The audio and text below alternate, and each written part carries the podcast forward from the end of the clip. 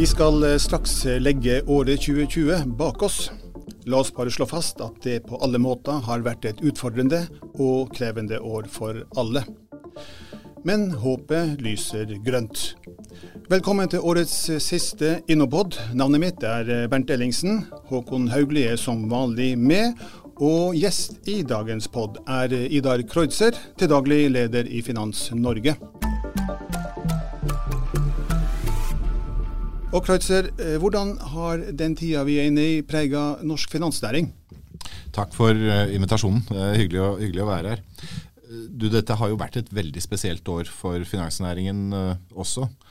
Mye av det som har skjedd uh, har jo uh, betydd, altså med nedstengningen, har jo betydd at norsk næringsliv har fått finansieringsutfordringer. Det har vært en likviditetsutfordring som etter hvert har blitt en soliditetsutfordring for mange.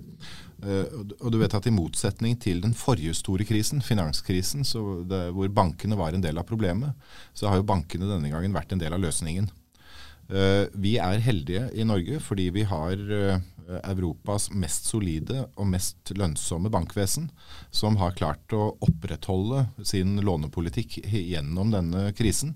Og vi har også deltatt aktivt i redningspakker og Eh, statsgaranterte låneordninger og kompensasjonsordninger til, til, næringslivet. Så dette har vært et veldig aktivt år. Hvis jeg skal gjøre opp en sånn veldig rask status, så uh, har jo de fleste sett at vi har klart oss bedre i Norge enn i en lang rekke andre land. Men det betyr ikke at, er, at det har vært uten konsekvenser. For deler av norsk næringsliv så er konsekvensene ganske dramatiske. Uh, hvor nedstengingen betyr uh, betydelig bortfall av inntekter. Og lønnsomme, gode bedrifter har uh, trengt hjelp og trenger hjelp til å komme over denne, denne fasen og inn i et mer normalt uh, territorium. Andre deler av norsk næringsliv gjør det bra. Og, og, det gjennomgående er at vi har sett en jeg vil nesten si en forbløffende tilpasningsevne til uh, en helt spesiell uh, markedssituasjon, en helt spesiell finansiell situasjon. Så det er ikke sånn at uh, alt er mørkt, men det er store forskjeller, og det er viktig at vi setter inn tiltakene der tiltakene trengs. Håkon Haugli, er det en beskrivelse du deler? Absolutt. Jeg tror Eh, Idar sier jo dette. Jeg tror den virkelig store forskjellen på dette og finanskrisen er nettopp at vi har hatt et velfungerende eh, kapitalmarked. Eh, og vi i Innovasjon Norge har også sett noen interessante utviklingstrekk i perioden. For det første så fortsetter brede deler av norsk næringsliv innovasjons- og utviklingsaktiviteten. Vi ser det i vår egen portefølje. altså Det er omtrent en dobling av aktivitetsnivå, også fordi vi har større rammer. Eh, I det så ligger det digitalisering, og den, det er interessant eh, fordi eh, jeg tror de aller fleste av oss opplever at vi har tatt i bruk digitale verktøy, men det går mye dypere enn det. Og det har vært nødvendig for norsk næringsliv, som har brukt, man kan si man har brukt tiden godt. Og det tredje jeg vil nevne, er dette med bærekraft. Altså den grønne omstillingen har ikke stanset under korona. Tvert imot så er det tegn på at den har um, akselerert. Og alt dette muliggjøres jo fordi det er tilgang på, på kapital. Så er det også riktig, og vi ser det også tydelig, noen næringer er, ligger helt nede. Reiselivsnæringen, store deler av servicenæringen eh, strever veldig og har eh, bekymringsfulle utsikter også. Så når vi står ved årsskiftet, så går vi inn i et nytt år, tror jeg, med stor usikkerhet rundt store deler av norsk næringsliv. Og Det er et interessant poeng, hvis jeg bare kan få, få følge opp som, eh, som eh, Håkon sier. Når, når, vi går inn og analyserer hvorfor Norge har gjort det bra, relativt sett så er det jo, jo, flere elementer. Det ene er, eh, som, som Håkon legger vekt på, at finansmarkedene har fungert. Og vi har et finansvesen som, som har fungert godt gjennom, gjennom krisen. men det er også to andre elementer som har vært viktige. Det ene er det digitale. altså som, som, som, Håkon legger vekt på. Og det, det, har vist seg å være altså Det at vi er en av verdens mest digitale økonomier, har vært en kjempefordel i denne situasjonen tilpasningene har gått lynraskt, og løsningene har vært gode. Uh, ganske interessant. Vi var nettopp invitert til å være med på verdens største fintech-festival, Singapore Fintech-festival, for å presentere kompensasjonsordningen, eh, som der blir løftet frem som en av de mest spennende fintech-innovasjonene i 2020 i verden.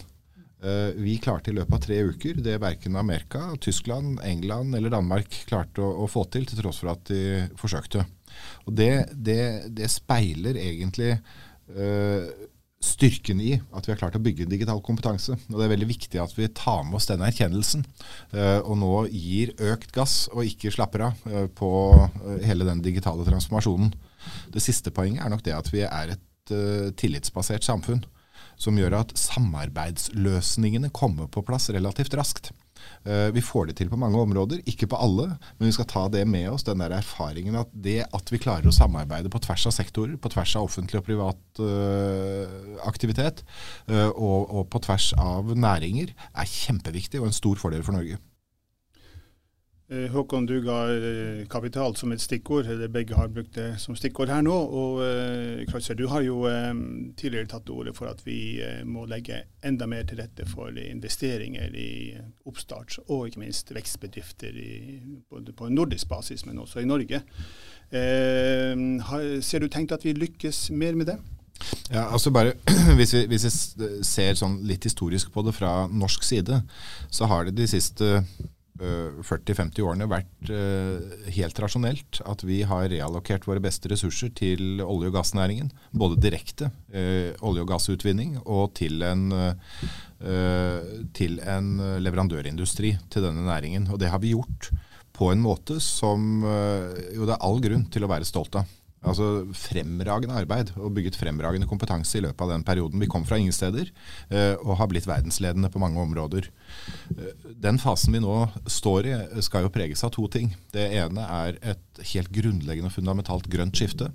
Uh, og det andre er at vi må lykkes med å bygge andre næringer som skal skape verdier og bærekraftige arbeidsplasser fremover. Så den kompetansen, den evnen vi har hatt til å bygge kompetanse, bygge verdikjeder, bygge konkurransekraft, etablere eksportmuligheter, øh, den må vi nå revitalisere. Øh, og så må vi lykkes på en lang rekke andre områder som ikke har vært fremtredende i Norge de siste 30-40-50 årene. Uh, og Derfor må vi se på hele kjeden, inklusiv finansiering. Uh, og, Det er i det perspektivet jeg da har, har, tatt til orde for at vi må tenke norsk, men vi må også tenke nordisk. Jeg mener jo at Norden er en av de mest interessante regionene i verden å investere i. altså Det er den mest digitaliserte regionen i verden. Eh, det er sterke institusjoner, det er velfungerende markeder. Vi er, altså, vi er verdens fjerde største softwaremarked i Nord-Europa. Eh, ikke sant?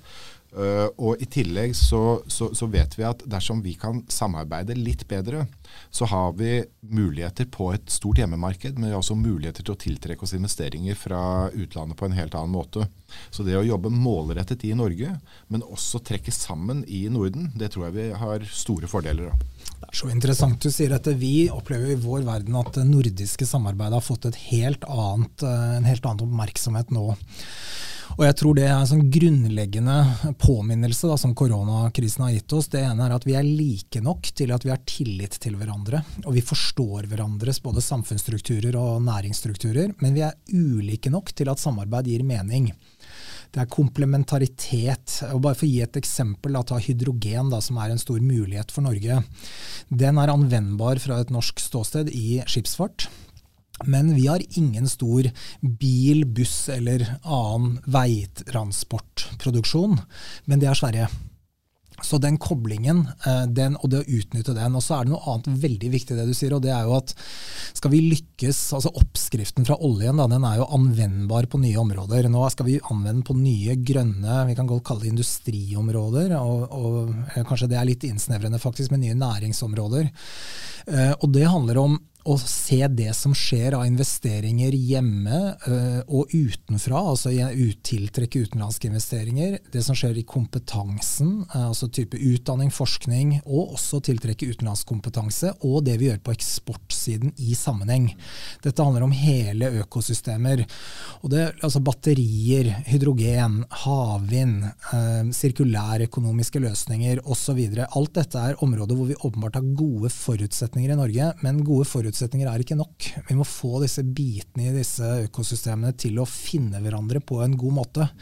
Og det gjør vi, ja, nasjonalt, men jeg tror det er enormt viktig at vi har blikket ut, og særlig til Norden i de prosessene, for sammen kan vi få til mer, da, som hydrogeneksempelet syns jeg illustrerer veldig godt. Jeg tror eh, Helt, helt, enig. Eh, jeg jobbet litt for Nordisk ministerråd med å, med å se nærmere på det. Jeg Hadde 60 møter, over 60 møter med Eh, både politikere og investorer i de nordiske landene. Og Det som er interessant å se, er at det er ganske mange lavthengende frukter. Og det er stor interesse for å samarbeide og samspille bedre. Så, så jeg tror med relativt enkle midler så kan vi oppnå ganske mye. Det andre som jeg tror er nyttig, er eh, det som eh, vi snakket litt om før på den, Håkon. Det nye mandatet som, som dere nå får til å se uh, tettere sammenhenger. Uh, på virkemiddelapparatet for å få bygget frem hele verdikjeder. Jeg tror potensialet er kjempestort, og det er veldig flott at dere tar den sterke og tydelige posisjonen som dere tar på det området. Det tredje som jeg syns er spennende, det er det arbeidet som nå starter med utviklingen av eh, innovasjonsdistrikter i Norge. Altså, vi har Oslo Science City her i, her i Oslo.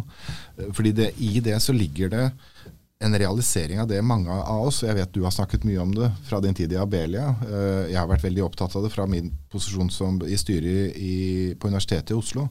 Nemlig en mye tettere kobling mellom kunnskap, næringsliv, oppstartsmiljøer, etablert næringsliv eh, og eh, eksportfremme. altså Sånn at du får den der dynamikken til virkelig å fungere. Uh, vi ser andre har vært flinkere enn oss på det området. Vi kan hente inspirasjon andre steder. Uh, men så må vi realisere det på vår måte. Potensialet er kjempestort, og nå begynner det å røre seg. Ja. Og det å liksom stimulere det der, det, det tror jeg kommer til å bli ganske morsomt. Ja, Dette blir jeg så begeistret av at du sier, og takk for uh, hyggelige ord også om dette som du refererer til som en ordningen som vi har fått. Den heter Grønn plattform. Det er et strukturert samarbeid mellom Forskningsrådet, Siva, Innovasjon Norge, og så er Enova også koblet inn. Og Tanken er å da gi bedrifter og forskningsmiljøer eller konsortier muligheten til å møte ett koordinert virkemiddelapparat. Men veldig viktig å minne om her at vi gjør bare én bit av den jobben. Det vil være helt fullstendig opp til næringslivet selv og samspille med forskningsmiljøer, men også med finansnæringen, for å få realisert dette. Og Da er vi tilbake til poenget ditt med, med disse innovasjonsmiljøene. Veldig mye teori tilsier at nærhet mellom kunnskapsmiljøer og næringsliv, eh, investorer, eh, gründere, eh, er avgjørende. Det finnes, man kan snakke både om trippel og pentagon, og det er mye teori. Men i Norge så har vi nok, eh, syns jeg, kommet litt for kort da, i dette, og så skjer det noe nå. Og det skjer også i, videreføres i korona perioden. Og vi er også enige vi må gjøre det på vår måte. Havnæringene vil være enormt viktig for Norge framover. Vi kan bruke denne modellen på områder hvor den hittil ikke har vært brukt.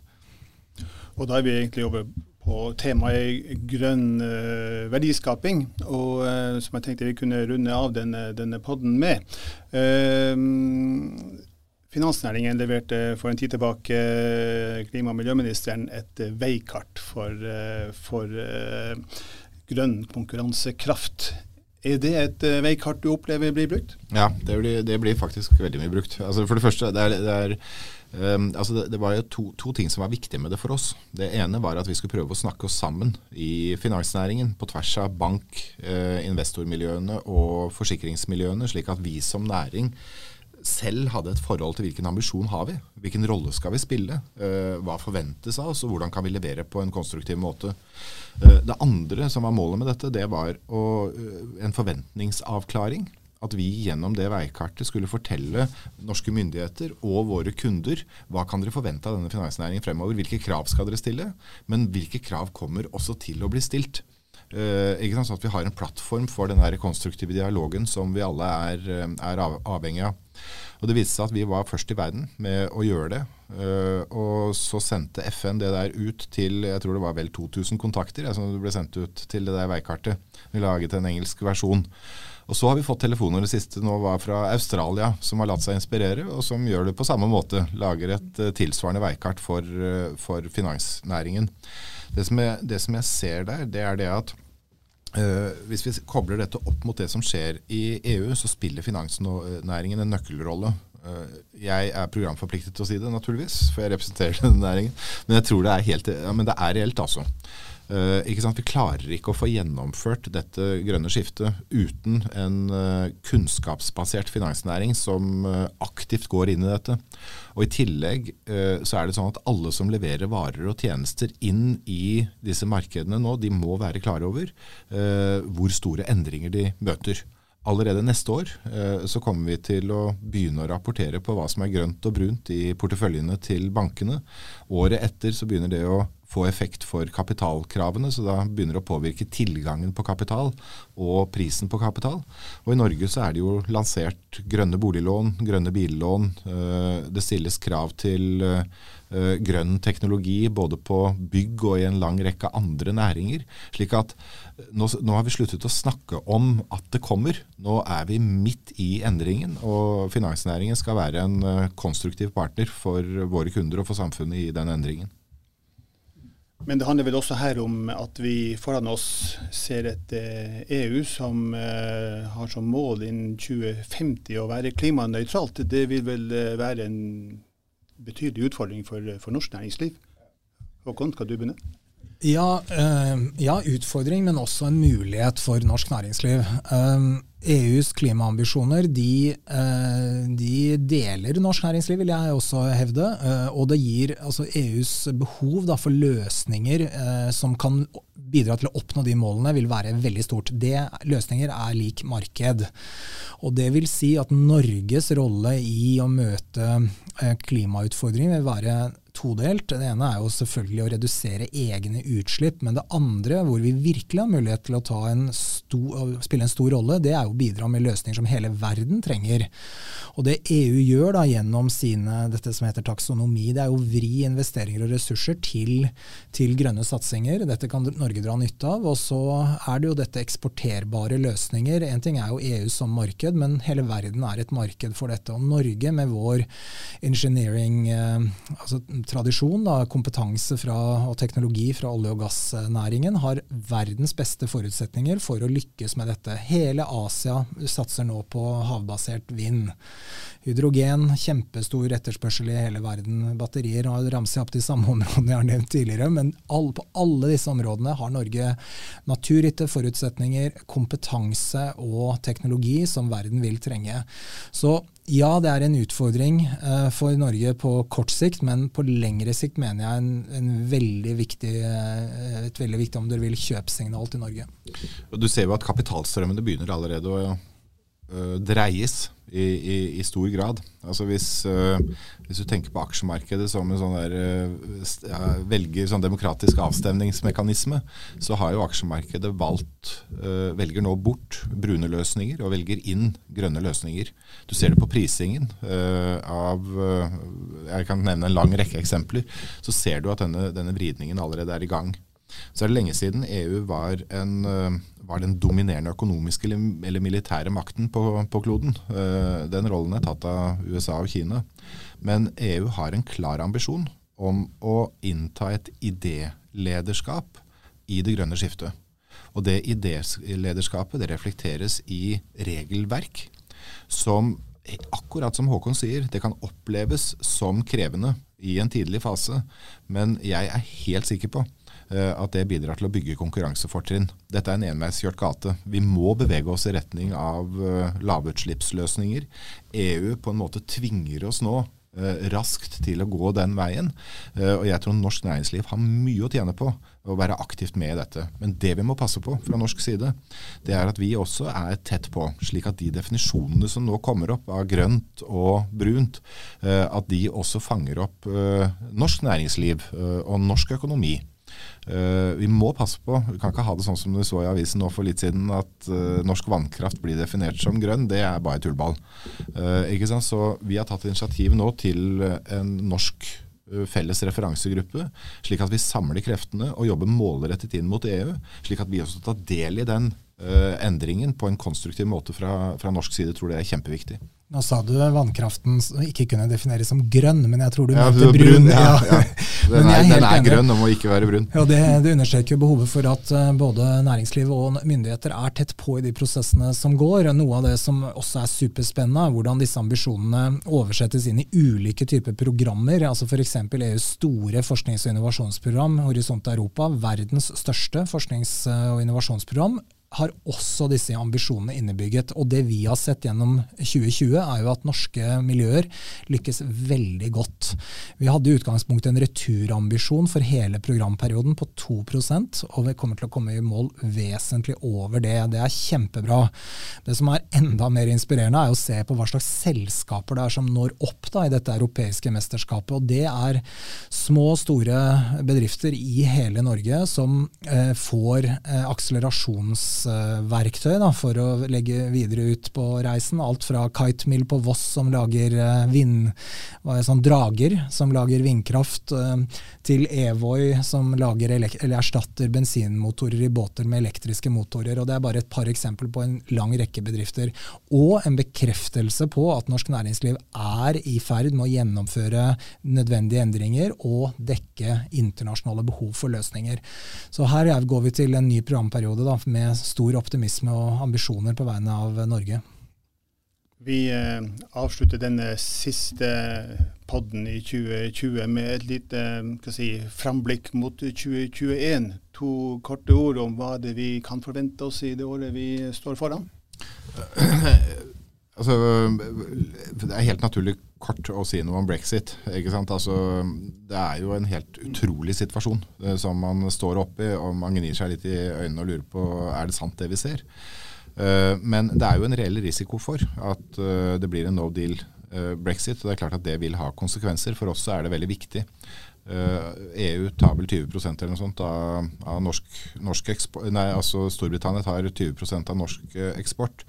Eh, relasjonene til Storbritannia er viktig på varer, men eh, ikke minst også på tjenester og på finansområdet. Så vi følger det tett. Håper det blir en god løsning. Norge er godt forberedt på de områdene vi kan være forberedt, men vi må ligge tett på.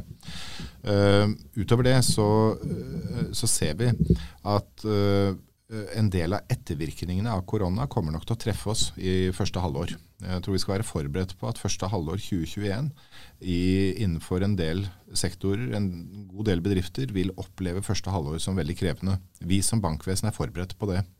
Ehm, jeg merker det, at det er en viktig del av samtalen internt i, i næringen. Så vi skal ikke tro at dette er over, selv om eh, vaksinen kommer. Samtidig er det som Håkon har vært innom, det, er, det har vært en eh, reell omstilling i deler av næringslivet. Mange har klart seg bra. Mange er godt finansiert, mange har offensive planer. 2021 eh, må være det året der hvor vi har et taktskifte i viktige deler av norsk næringsliv og norsk offentlighet, eh, slik at vi nå aktivt utnytter de mulighetene vi har for å øke innovasjonstakten, øke takten av nye arbeids, skape nye arbeidsplasser og realisere det eksportpotensialet som Norge må realisere for å opprettholde en dynamisk og levende økonomi. Så 2021 blir et viktig år. Eh, kommer til å være en god del utfordringer, og så er det mange muligheter som vi skal gripe.